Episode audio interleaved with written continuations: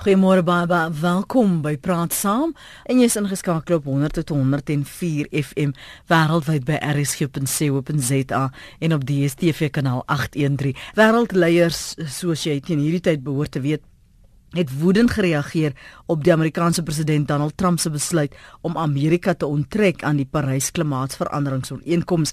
Hulle het dit bestempel as 'n reuse teleurstelling vir wêreldwye pogings om kweekhuisgasse te verminder. En volgens Trump is dit 'n swak ooreenkoms en hy het voorgestel 'n nuwe een word onderhandel.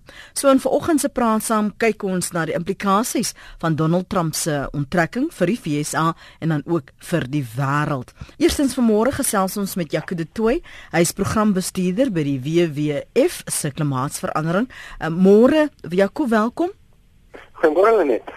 Baie baie dankie vir jou tyd. Uh, voor ons met jou gesels, wil ek net ons moet luister na 'n klankgreep van uh, die akteur en voormalige goewerneur van Kalifornië, Arnold Schwarzenegger, oor wat hy sê hulle benadering was uh, teen opsigte van klimaatsverandering en wat hy dink van Donald Trump se besluit om te onttrek. One man cannot destroy our progress. One man can't stop our clean energy revolution. And one man can't go back in time. Only I can do that. President Trump says he's pulling out of the Paris Climate Agreement. My message to you, Mr. President, is that as a public servant, especially as a president, your first and most important responsibility is to protect the people. 200,000 people die every year in the US from air pollution, and half of our rivers and streams are too polluted for our health. We can't sit back and just do nothing while people are getting sick and dying, especially when you know there is another way. Mr. President, I know that it can be easier and more comfortable to look backwards. And to many people, the past we know is less scary than the future that we don't know. But some of us know what a clean energy future looks like. And it isn't scary. We have seen it in cities and states and all over the world. In fact, we know that the dirty energy future with asthma, emphysema, and cancer is much, much more terrifying. So please, Mr. President, choose the future. No one remembers the people who told President Kennedy not to go to the moon. We remember the great leaders. The great leaders that don't walk backwards into the past, but great leaders that charge forward towards the future. You see, the people will rise up. Local and state governments will rise up. Other leaders from local government will rise up and fill the void that you are creating. Like all the great movements in human history, our clean future starts with a grassroots movement in our communities, our cities, and our states. 70% of our dirty emissions can be controlled at the state and local level. We can't leave it to Washington, D.C. to lead. No. We need to do it ourselves. As a matter of fact, when I was governor of California and Washington failed to lead, we passed the strictest environmental rules in our country, and our economy is now booming.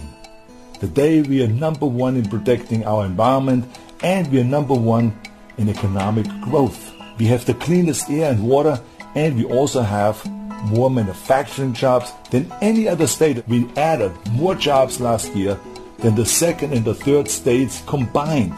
Protecting the environment will not destroy our economy. The bottom line is great environmental policies do the opposite. They pump up the economy.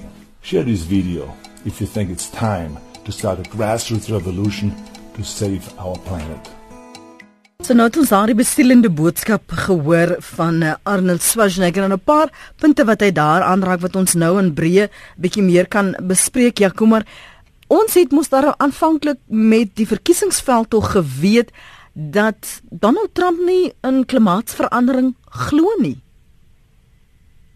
Ja, dit was. Dit was een van sy verkiesingsbeloftes dat hy um, hy het mos gesê hy gaan die Parys-ooreenkoms heroorhandel. Uh so dit is nie dit is nie onverwags wat hy gedoen het nie, maar soos met baie van die ander goed sê dat hy president is, het dit gelyk op 'n stadium asof hy nou dat hy in die internasionale politieke konteks ingetree het, 'n bietjie van 'n breër uh, indruk gekry het van hoe hoe hierdie goed aan mekaar gestel is en en dalk selfs sy opinie bietjie verander het oor klimaatsverandering. Ehm um, soos ons weet is hierdie aankondiging van die onttrekking is 'n paar is 'n paar keer uitgestel omdat hy soveel verskillende raad gekry het van sy verskillende raadgewers. Maar aan die einde lyk dit of ongelukkig 'n sekere 'n sekere faksie in sy regering toe nou die die dag deurgedra het en ehm um, wen sy besluit aan die einde beïnvloed het. Ehm um, so ja, dis nie dis nie 'n skok nie, maar dit dit is steeds 'n groot teleurstelling. Ons gaan nou praat oor die punt wat Arnold Schwarzenegger raak oor moving back in die implikasies van hierdie onttrekking. Jy was destyds in Parys. Ek onthou baie duidelik jy het van daar met ons gesels en ons het gepraat oor hoe geskiedkundig die oomblik was omdat daar so baie lande hul verbind het. Herinner ons net weer aan wat die noodsaaklike besprekingspunte destyds was wa waarom hierdie uh, ooreenkoms so geskiedkundig was wat Donald Trump nou as swak beskempel. Ek dink veral veral in die konteks wat ons vandag het, weet is dit belangrik om op te besef hoe die ooreenkoms juis bymekaar gestel is om baie van die goed wat Donald Trump nou meer 'n probleem het aan te spreek. So die Parys ooreenkoms was die eerste keer wat alle lande in die wêreld verbind was tot aksie um, om klimaatsverandering te stop. Dit beteken dat lande soos China en Indië ook onder hierdie ooreenkoms ehm um, verbintenis gemaak het om sekere aksies te neem om klimaatsverandering te beveg. En om seker te maak dat so baie lande kan deel wees van die ooreenkoms, is dit juis gebou op die prinsipie van dat elke land dan nou aan die einde sê wat hulle kan doen. So dit was nie al die almal het nie bymekaar gesit by 'n VN vergadering gesê en verantwoordelikheid uitgedeel nie. Eerder was dit 'n van die grond af op ooreenkoms waar lande self besluit het wat hulle kan doen. So Donald Trump nou sê maar ehm um, die die oor die verdrag is onregverdig teenoor Amerika, dan eintlik al wat hy reflekteer is dat die beloftes wat Amerika self daar gemaak het, voel hy nou is onregverdig. So dit is die eerste belangrike element. Die tweede element waar ons as omgewingsorganisasies ehm um, baie meer opgewonde was, was dat die ooreenkoms gebou is op die beginsel daarvan dat lande elke 5 jaar sou terugkom en dan en as as ware bymekaar sal sit en optel al die aksies wat hulle gaan neem en of hmm. dit hulle dan aan die einde uitbring by waar ons moet wees om ehm um, globale verwarming onder 2 grade Celsius of op die beste onder 1.5 grade Celsius te hou. So ons het geweet dat as al die lande net net gaan sê wat hulle kan doen en wat die beste is wat hulle op die oomblik voel hulle kan beloof, dan bring dit ons nie uit by waar ons moet wees nie. Ehm um, maar as ons dan hierdie hierdie verdrag skep wat elke 5 jaar gebou is daarop om sterker te word, dan kan hulle weer bymekaar kom, weer kyk na wat hulle kan doen en meer op die tafel sit. Ehm um, so die die die basies die drie groot goed waar wat ons na kyk vir die Parys ooreenkoms is, dit stel die doelwit om globale verwarming onder 2 grade te hou wat wat die absolute limiet is van wat meeste wetenskaplikes sê die menslike samelewing kan hanteer. Hmm. Ehm um, die tweede een is hierdie 5 jaar siklusse om om die aksies wat geneem word te versterk. En die derde een is dat dit gebou is op hierdie beginsel van selfbeskikking van lande wat self besluit hoeveel hoeveel ehm um, aksie hulle kan neem op 'n sekere stadium en dat, dan sou nog en ons baie om anders om te sê oor geld wat beloof is ontwikkelende lande om om in ag te neem die feit dat hulle histories nie so baie bygedra het tot die probleem nie. Ehm um, en nie erkenning daarvan dat baie mense reeds ehm um, die die impakte van klimaatsverandering ervaar en dat hulle hulp gaan nodig hê om daarmee om om ehm um, te, te kan ontwikkel mm. steeds onder omstandighede waar die weer baie anders is as wat dit in die verlede was. En nou met hierdie veranderende weerspatrone wat ons self vandag en die afgelope paar jaar met die droogte ervaar, wonder 'n mens wat is dan die argument as hy sê dat dit is nie ten gunste of goed genoeg vir Amerika Amerika geonderhandel nie. Wat wat wat beklei hy? Wat verstaan hy nie? Wat ontken hy? Ehm um, ek dink wat ons sien is ons mense moet onthou dat die fossiel brandstofindustrie en sektor is is waarskynlik die grootste industrie wat in geskiedenis van die wêreld nog bestaan het. En ons baie mense wat wat besighede en baie baie groot welvaart gebou het op hierdie besighede. So daar's baie geld te sprake. Ehm um, en hulle is waarskynlik nie van plan om net hulle besighede te laat gaan en sit van in die, in 'n nuwe industriële revolusie net terug te staan en te gaan. Okay, ons ons is nou mm. alraai daarmee dat die die die die fondasie waarop ons ons besigheid gebou het gaan laat gaan nie. Die die net die moeilike ding om op kommentaar te lewer is ek is baie van die goed wat hy sê is is net eenvoudig nie waar nie. Ehm um, hulle baie van wat hy lief is om te sê is dat eh uh, dit dit nie goed is vir Amerika om eerder hernubare energie te doen nie, dat die steenkool ehm um, steenkoolkragindustrie deur dit af te skaal maak dit Amerikaanse werksgeleenthede seer. Um, so dit van die goed wat hy sê, maar as jy dan gaan kyk na wat eintlik aan die gebeur is, is dat in Amerika sal vandag meer mense wat werk in die hernubare energie-industrie as in enige van die fossielbrandstofindustrie of in al daai industrieë mm. tesame. Mm. Ehm um, en uh met daar's daar's duisende feite oor hierdie goed maar byvoorbeeld die, die vinnigste groeiende werksbeskrywing in Amerika is 'n windturbine installeerder. En die die uh werksgeleenthede in daai industrie groei 12 keer vinniger as in die res van die ekonomie so dit is moeilik om te verstaan hoe staaf hy baie van die argumente hmm. wat hy gemaak het oor oor veral werksgeleenthede en ekonomiese groei. Hmm. Want dit is die een ding wat wat Arnold Schwarzenegger ook hmm. aangeraak het toe hy Kalifornië uh, waar hy die goewerneur was wat hy dit as 'n voorbeeld gebruik het hoe hulle hulle ekonomie nou so floreer weens besluite wat wat hulle destyds gemaak het en as 'n mens mos aan die toekoms dink dan dink jy aan nuwe industrieë wat moet ontwikkel word en waar daar werksgeleenthede is. En ek ek, ek dink 'n ander ding om beide te sê dan nou om te kyk na Amerika se kompeteerders. Ehm um, so China is tans besig met 'n program om 300 miljard dollar te investeer in hernubare energie vir hulle ontwikkeling. Ehm um, hulle hulle hulle hulle sien absoluut die die veral die ehm um, sonpaneelindustrie as een van die drywers van hulle ekonomiese groei en vooruitgang vorentoe. En as kyk na lande soos Duitsland wat hulle ehm um, deur die energiewende program probeer hulle om hulle hele elektriese infrastruktuur te verander en hulle het as in Duitsland as ware het op sy eie die die drastiese val wat ons gesien het in sonpaneelpryse gestimuleer deur vroeg al te erken dat hierdie is die hierdie is die toekoms. Ehm um, so ja, dit is regtig moeilik om van hierdie goed te verstaan. Ehm um, Ja, ek weet nie, ek weet nie wat jy verder om te sê nie. Dit dit dit, dit, dit, dit, dit, dit voel net soos 'n stap agteruit. Ehm um, En miskien op hierdie stadium is dit ook goed om dan in te bring wat Arnold Schwarzenegger ja, ook vroeër gesê het. Precies. Is hoeveel van Amerikaanse besighede en state en goewerneurs, um, ons het net gister gesien dat dit dat 'n brief geskryf deur meer as 1200 Amerikaanse maatskappye, ehm um, staatsregerings, uh, burgemeesters van stede almal gesê het maar hulle bly verbind tot die tot wat ooreengestem is in die Parys-ooreenkoms en hulle gaan seker maak dat hulle vir hulle deel van die Amerikaanse ekonomie ehm um, nog steeds doen wat beloof is. Ek wil gou lees wat Anton van Pretoria hierso skryf. Hy sê Trump is reg, sê Anton. Hy ontken nie aardverwarming nie, maar wel die menslike bydrae. Natuurverskynsels is 'n natuurlike verskynsel soos die vorige ystydperke en ander. Is die ystydperk verby omdat die Eskimos te veel vuur gemaak het?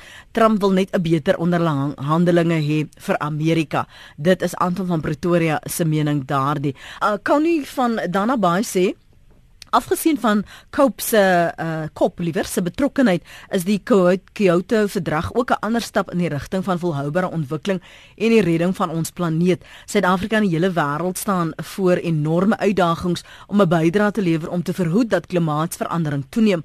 Ons is verantwoordelik vir 60% van die besoedeling in Afrika en een van die 10 grootste besoedelaars in die wêreld. Behalwe om klimaatsverandering kwessies aan te spreek, sal Kop waarskynlik ook fokus op byvoorbeeld bevolkings en ekonomiese groei vooruitskattinge. Dalk vanuit jou kennersoog daarop kommentaar lewer Jaco? Uh, som op opwille net. Ja, asseblief en dan kan ons 'n breek neem en dan gaan ons terugkom na die die groot sondaars. Okay. Ehm um, nee, net om terug te kom na Anton toe. Ek ja, dit is dis 'n argument wat mense baie gebruik en dit is nie verkeerd om te sê dat klimaatsverandering in die in die verlede gebeur het nie.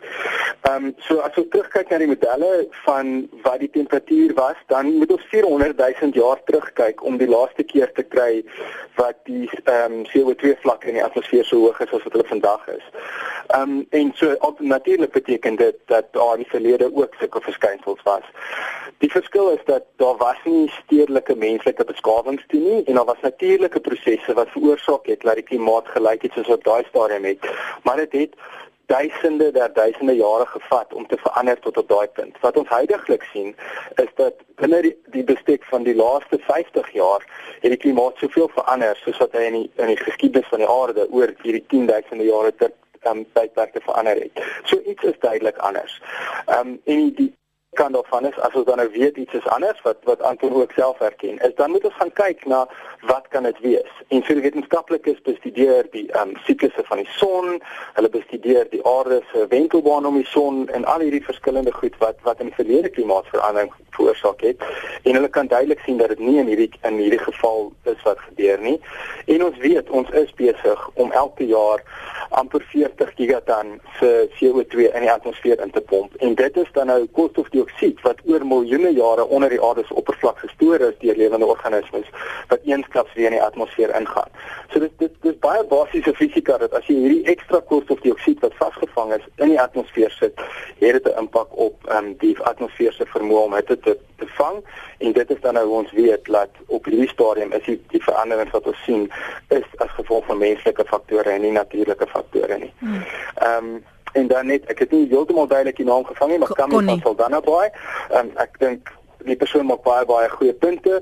Suid-Afrika is in 'n baie unieke posisie amper in die wêreld deur as gevolg van die feit dat ons histories ons ekonomie gebou het op steenkool en dan nou van die van die veilige steenkool ongelukkig wat mense in die wêreld vind en dit beteken ons het 'n groot bydrae gemaak, 'n um, relatief groot bydrae gemaak tot klimaatsverandering um, op, op gebaseer op ons um, die grootte van ons bevolking. Natuurlik as jy nou kyk teenoor 'n land so China of Amerika, het ons nie ehm um, as jy gas in die atmosfeer nie soveel as Suid-Afrikaanse bydrae nie, maar as jy kyk per, per, per persoon in Suid-Afrika op die gemiddeld, het ons 'n groot bydrae gemaak en dit beteken ons het 'n verantwoordelikheid ook um, om seker te maak dat ons ook dan nou goed anders te doen vorentoe. Hmm. Ons uitdaging is dat ons um, steeds in 'n land is waar daar um, miljoene arme mense is en ons het 'n groot ontwikkelingsprobleem om aan te spreek. So ons moet kyk na hoe kan ons die omgewingsprobleme en die ontwikkelingsprobleme op dieselfde tyd aanspreek en dan kan ek net weer die amper die sirkel toemaak na wat ons voor bespreek het is hernubare energie en baie van die groen tegnologie op hierdie stadium is op 'n punt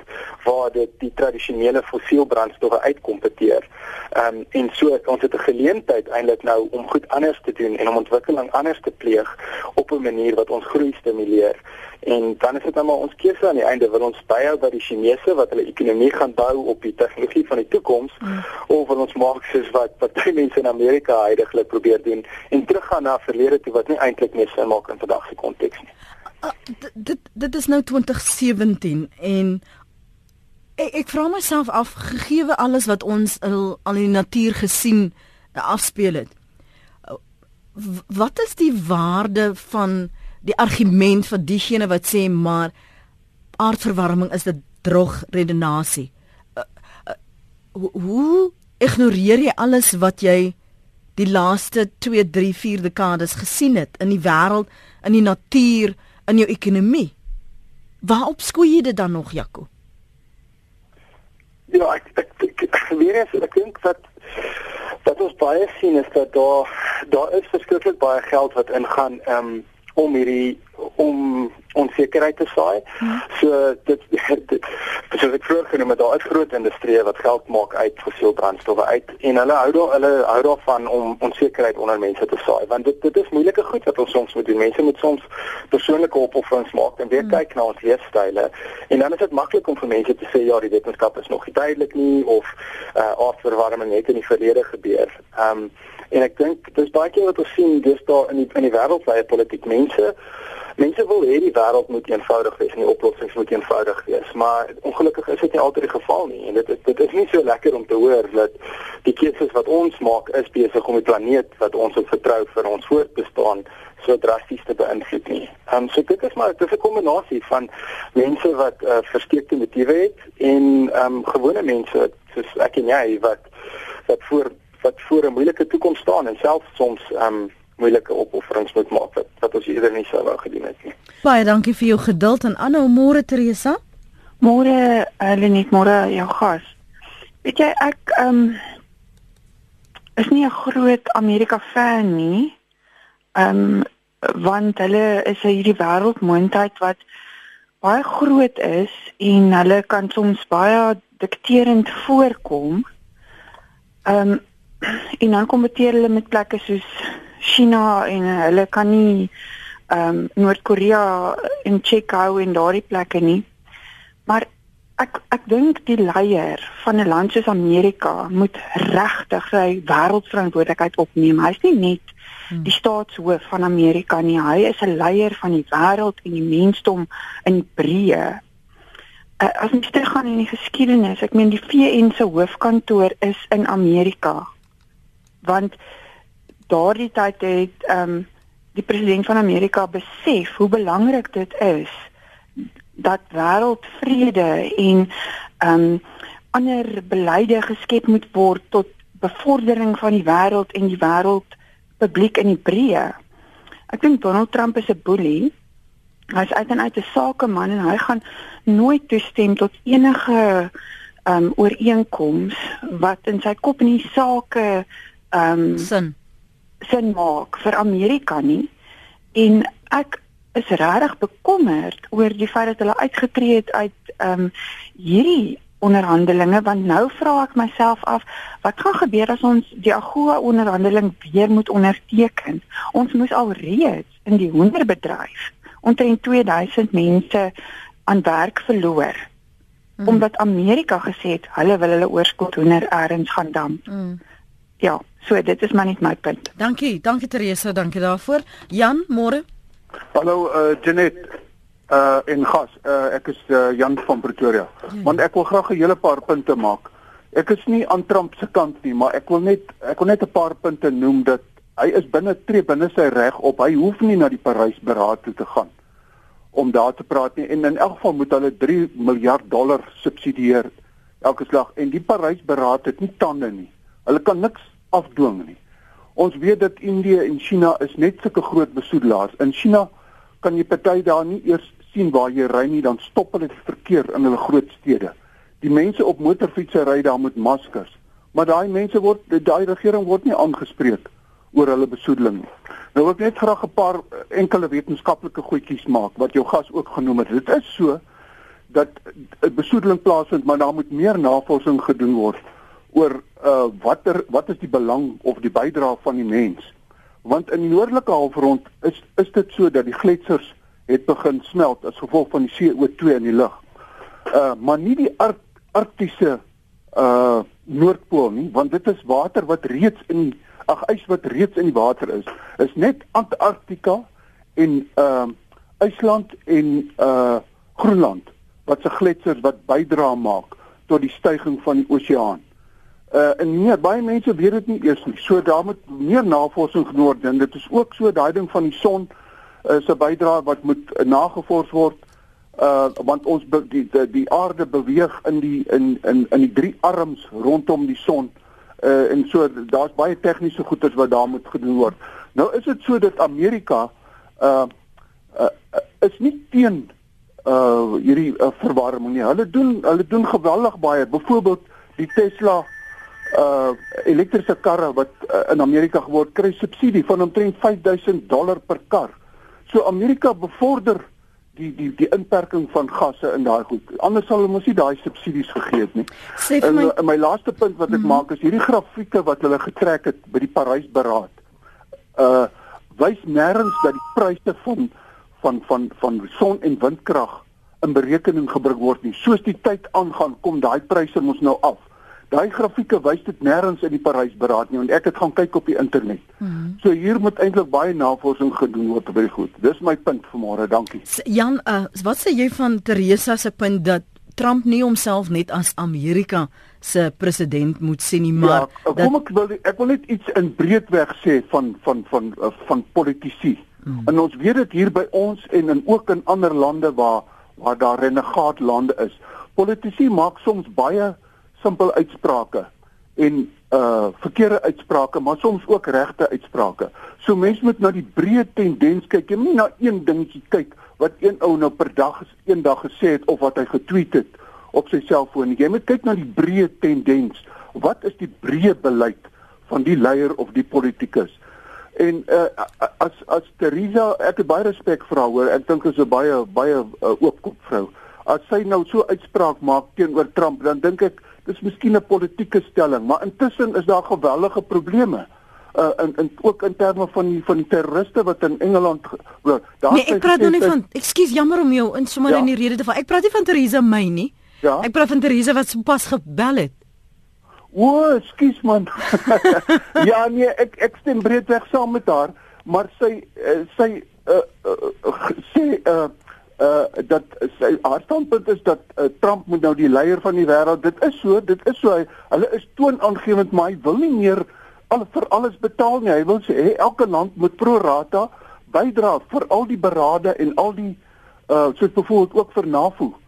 So jy mens moet breedweg kyk na die polit, politieke beginsels in die samestelling en ek, op die oomblik is Trump gekies vir 4 jaar.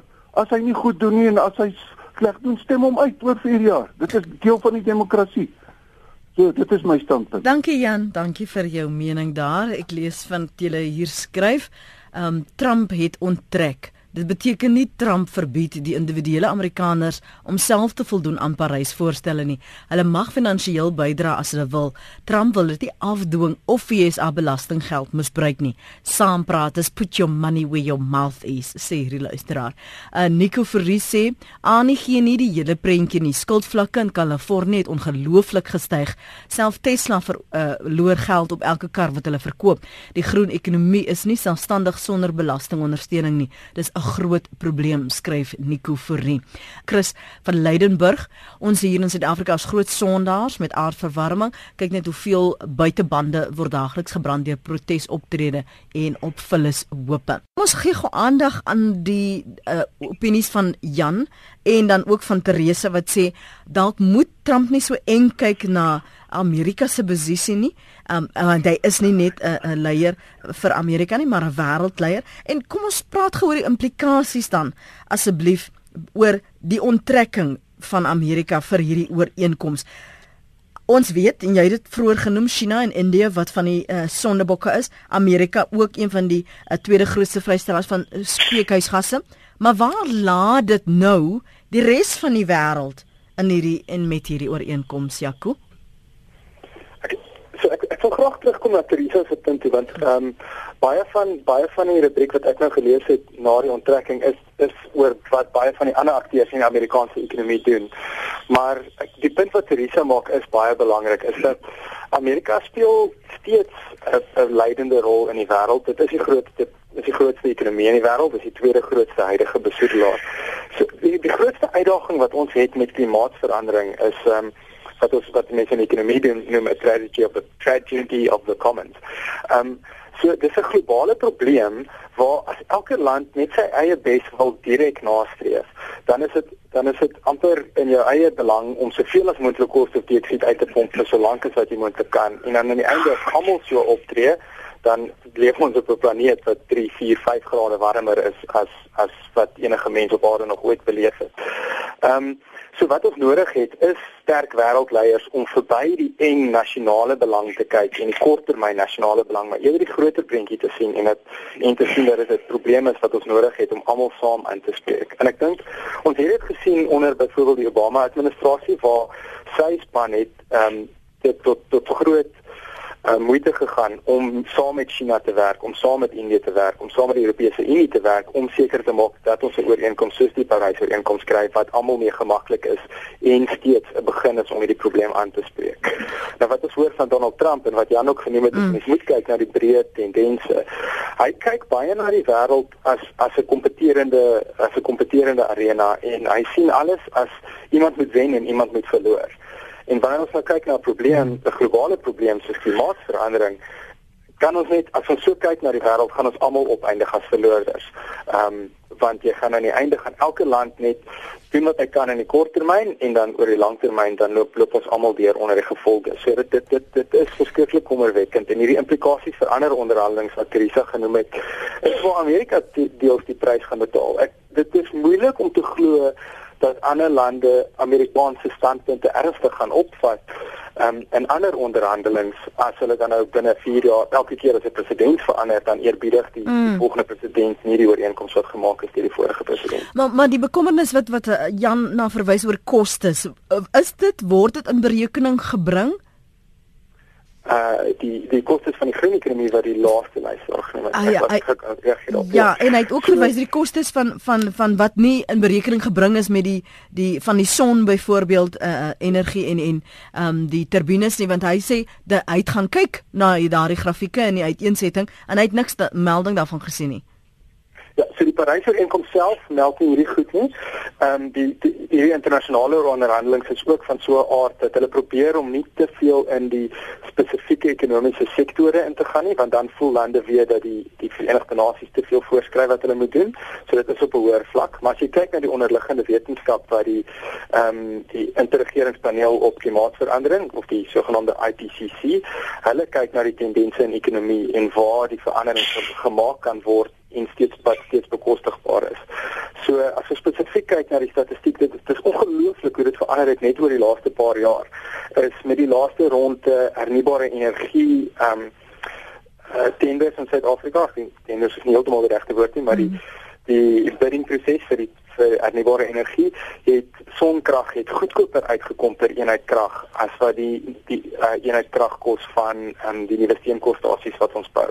So daai ekonomiese somme is baie aan die verander. Ehm um, hoekom ons hoekom ons sê dit nodig is dat dat lande soos Amerika steeds 'n finansiële bydrae moet maak tot klimaatsverandering is dat daar is ehm um, daar is 'n korttermyn kostes wat steeds duurder is en dit is omdat die fossielbrandstofindustrie en al die al ons koolstofintensiewe industrie is um, besighede wat al vir 100 jaar of of in daai orde van tyd aan die gang is en dit beteken dat hulle baie tyd gehad het om te leer om dit goed effektief te doen. So byvoorbeeld as ons praat oor uh, die Tesla motors wat wat gesê is dat dat hulle hardloop teen 'n verlies, is dis nuwe tegnologie wat ontwikkel moet word. Um en dis dis daarom wat ons sê dat staatsondersteuning is nodig. So sou dit was vir sonpanele aan die begin. Mm. As jy die daai ondersteuning kry aan die begin, dan leer die maatskappye hulle vervaardig dit meer doeltreffend. Al die infrastruktuur rondom dit word opgebou totdat dit op sy eie bene kan staan. Die die rede hoekom ons sê staatsondersteuning is nodig is omdat jy dan nou hierdie eksternaliteite voordele het van die omgewingsvoordele en omdat ons so min tyd het. Um, dit uh, Jan het ook vroeër genoem dat 'n uh, 'n president word vir 4 jaar verkies en dan um, dan is, dan kan hy as hy nie goed doen nie kan kan 'n ander persoon altyd weer verkies word. Die die probleem is dat ons ons het so min tyd om dit oor om met hierdie klimaatsverandering probleem ehm um, drasties te verander hoe, hmm. hoe die ekonomie wêreld werk. So as ons nog 4 jaar wag en as Amerika byvoorbeeld vir nog 4 jaar lank ehm um, verdere olie en steenkoolontwikkeling doen. Daai infrastruktuur wat nog vir 20, 30 jaar gaan staan dan. Ehm um, en dit maak dit soveel moeiliker dan om aan om aan die einde die 2 grade doelwit te bereik.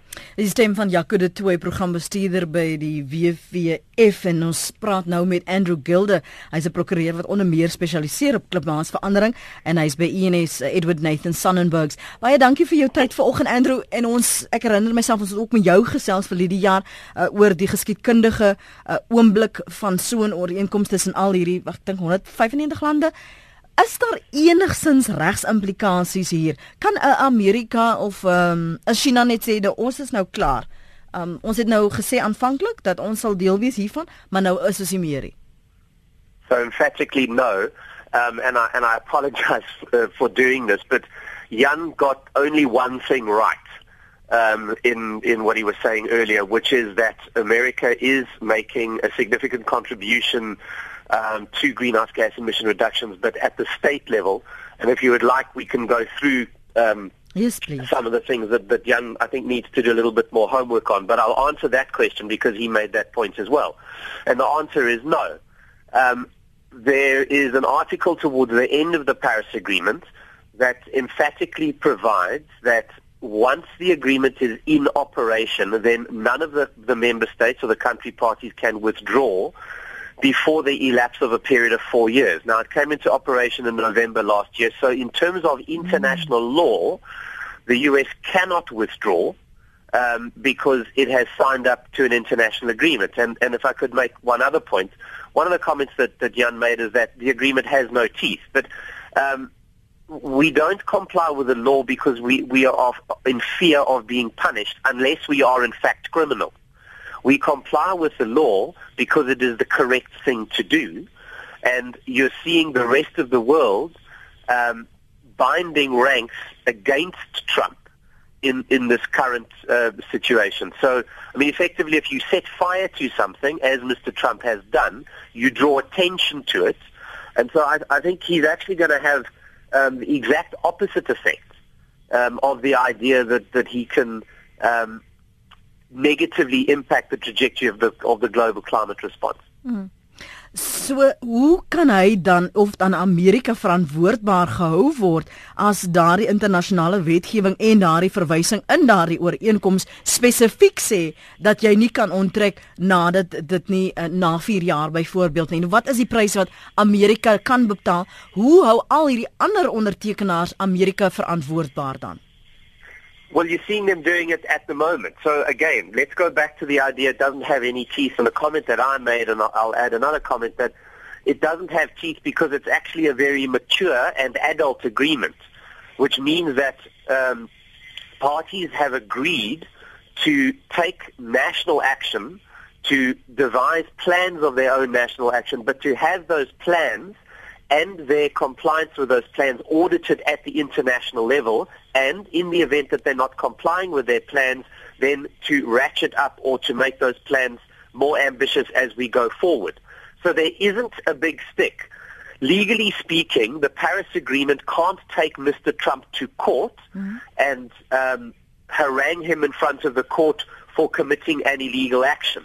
However, what is happening is you're seeing the um, the court, if you like, of international and diplomatic opinion, um, and and that that's the punishment. The the the, the irony, I suppose, is that you would hope that um, the person being punished actually appreciates and understands the need to be punished, but mm. I suspect that Mr. Trump is is unable to understand those issues, which is which is irrelevant, frankly, mm. for the way the, the way the rest of the world is is going to behave, and in fact is irrelevant for the way the rest of the U.S. is going to behave. So um, I'm not sure if you're aware, but on the weekend, ex-mayor of New York, Michael Bloomberg, committed mm. 15 million of his own money to working towards U.S. compliance, and there's already a, a whole set of states yeah. that have said we are we are going to ignore effectively what the federal level is doing and continue. So hy en sy aanvanklike argument was dat um, hy bekommerd is oor die werksverliese dat dit te eensydig is dat dit 'n swak ooreenkoms is waar en heronderhandel as en ware moet word. So dit klink tog vir my veral weens hierdie internasionale druk dat uh, benewens nou hierdie in uh, persoonlike individue en maatskappye wat sê hulle bly verbind tot hierdie ooreenkoms, lyk dit tog dan in Hebreë pleks van vooruitgang, pleks van werklik werk beskerm, is hy besig om die ekonomie meer skade te berokken. Well, absolutely. And I'm, I'm not sure if, if, if Yaku's gone through this, this with you, but um, th- there is very clear evidence, and it's been put out there and stated quite categorically. And if you understand numbers, then it's very easy. He's, he's taking an action which ostensibly is intended to save 60,000 coal jobs in the Rust Belt. All right, now if those jobs are saved, that's all very well, but in order to make that coal um, commercially viable, given what Yaku's just said around the cost of renewables, he's going to have to subsidize that coal in order to keep those jobs. So it's not about simply saying we're not going to do Paris. He's going to have to find some money somewhere to subsidize the coal jobs. At the same time, mm there are about 250,000 jobs in renewable energy in the U.S. and increasing. And, but what he said is, no, I don't want to support that area. And now one of his acolytes has, has come up with a rather bizarre comment that, oh, well, if that industry is strong, it will continue to be strong. That industry is strong because of the, the signals given by the international community and the Obama administration around the support for renewables. So uh, he, he's taken, from an economic perspective, he's taken an almost bizarre decision to go back, to take things back 30 years. I'm curious to hear what Jaco has to say on the, on the economics of it. Mm. Jaco, ek wil ook graag hoor wat jy daaroor te sê het, veral ook miskien dan aansluit omdat ons tyd ons inhaal oor die implikasies vir vir Afrika indien enigsins. Ja, nee, ek um, ek dink ek het baie van wat Hendrik gesê oor die ekonomie het, het ek reeds genoem. Mm. Dit is ja, ons ek dink ons stem heeltemal saam dat die die, die ekonomiese rasionaliteit van wat hy gedoen het glad nie duidelik is. En, en weer eens baie van die argumente wat hy gemaak het is is net bekant vals. Enigiemand kan gaan kyk op die internet ehm um, oor oor wat die werklike getalle is. Ehm um, ons het ons het genoem dat die uh, groen ekonomie is nou 'n groter groter uh, verskaffer van werkgeleenthede as die fossielbrandstofindustrie ensovoorts. Ehm um, ek miskien miskien 'n laaste punt om te maak op daai veld is net ook dat wat ons gesien het in Amerika oor die laaste paar jaar met die steenkoolindustrie wat aan die krimp is, is omdat die industrie self nie meer finansiëel kompeterend is met die natuurgasindustrie en die hernubare energie industrie nie. So net om aan te sluit by wat Andrew gesê het vir Amerika om weer sy weer steenkool en steenkoolkrag te vergroot in die land sal beteken dat hulle in effek um, die steenkoolindustrie weer moet subsidieer en dan weer eens dit nou waar baie baie van wat Trump het dat wil nie energie industrie subsidieer nie so dit dit is net eenvoudig dit is in baie opsigte net eenvoudig teenstrydig. Ehm um, As ons dan nou terugkyk na na Afrika en spesifiek na ons eie realiteite, ek dink die grootste werklike so, so soos wat ons reeds gesê het, daar's baie van die van die state en die um, stede in Amerika wat steeds hulle deel gaan probeer doen om te om die Parys-ooreenkoms na te kom. So Miskien is die impak in terme van die uitlaatgasse wat ons gaan sien nie heeltemal so groot soos wat Trump dalk gehoop het nie. Maar ek dink waar ons wel 'n groot impak gaan sien is dat ehm um, van die geld wat Amerika beloof het om te gee vir ehm um, klimaatsverandering, dit gaan dit gaan opdroog. Ehm um, en dit is baie belangrik vir Afrika wat een van die kontinente is wat die kwesbaarste is vir klimaatsverandering. So die waar waar geld veral nodig is, waar internasionale internasionale geld internasionale geld veral nodig is, ekskuus um, is om uh, die weerbare uh, gemeenskappe in in kontinente soos Afrika te help om met die met die impakte van klimaatsverandering te kan saamleef wat 'n probleem is wat hulle nie self veroorsaak het nie. So deel van wat ek voorgenoem het wat in die Parys-ooreenkoms is, is dat ondersteuning nodig is vir hierdie kwesbare gemeenskappe en lande en dat die lande wat verantwoordelik is vir die probleem um, en ek, ek dit is nog nie genoem nie, maar dit is baie belangrik om te noem dat Amerika geskiedkundig, as jy kyk oor die geskiedenis, die grootste bydrae gelewer het tot um, die uh, die groenheidsgasse wat op hierdie stadium in die atmosfeer is. En daarom het hulle 'n morele verantwoordelikheid om seker te maak dat ander mense nie die prys betaal as mm. hulle hulle ehm um, as hulle dan nou die impak van klimaatsverandering ervaar nie. Ehm um, so byvoorbeeld as as arm gemeenskappe vloede ervaar of droogtes, ehm um, hulle het nie die vermoëns om om daarmee te kan cope nie en dit is dit nodig dat die internasionale gemeenskap hulle dan ook moet help. En en ek dink dis 'n groot impak wat ons gesien in Afrika is, is dat daar minder geld beskikbaar gaan wees vir hierdie tipe hmm. aktiwiteite. Miskien die laaste punt van jou Andrew, soos ons klaar maak die pad vorentoe dan, the way forward. Uh, I, I cannot do that. Can I, can I just pick up two points on Yucca very quickly? Yeah. So American money drying up, yes, which means that other countries are going to step in and provide that money to the degree that they can, which means America continues to lose influence. And let's go back to this idea, exactly what Yucca said. Um, the, the big emitters have extracted for a hundred years value out of the international economy. So for Mr. Trump now to say, oh no, I'm not prepared to pay to contribute to how other countries respond to climate change uh, because it's an unfair agreement is morally bankrupt because that completely ignores the last hundred years of value extraction by the American, American economy from the global economy. And the answer to your question about the way forward is the way forward is actually business as usual. Mm-hmm. And if the Americans would like to join, they're very welcome, but it's not necessarily necessary that they do. Baie baie dankie vir julle insette vanoggend eh, dat julle vir ons perspektief gegee het oor wat die argumente op die oomblik is. Andrew Gilde is 'n prokureur wat uh, onder meer spesialiseer op klimaatsverandering. Hy is by Edward Nathan Sonnenberg Prokureurs en Jaco de Tooy is programbestuurder by WW Effen baie dankie vir julle insette anoniem sê hier op ons webblad wat my so siek sat aan gatvol maak van die FSA is dat hulle altyd bereid is om vir ander lande ons ingesluit voor te skryf kyk nou net weer na hulle huidige president se optrede ten opsigte van die aardverwarmingsdoelwitte. Ek het nog altyd gesê hoekom moet ons skuldig voel oor die gebruik van steelkom? Word deur ander lande as besoedelaars beskuldig terwyl van daardie lande van die grootste verbruikers is byvoorbeeld die FSA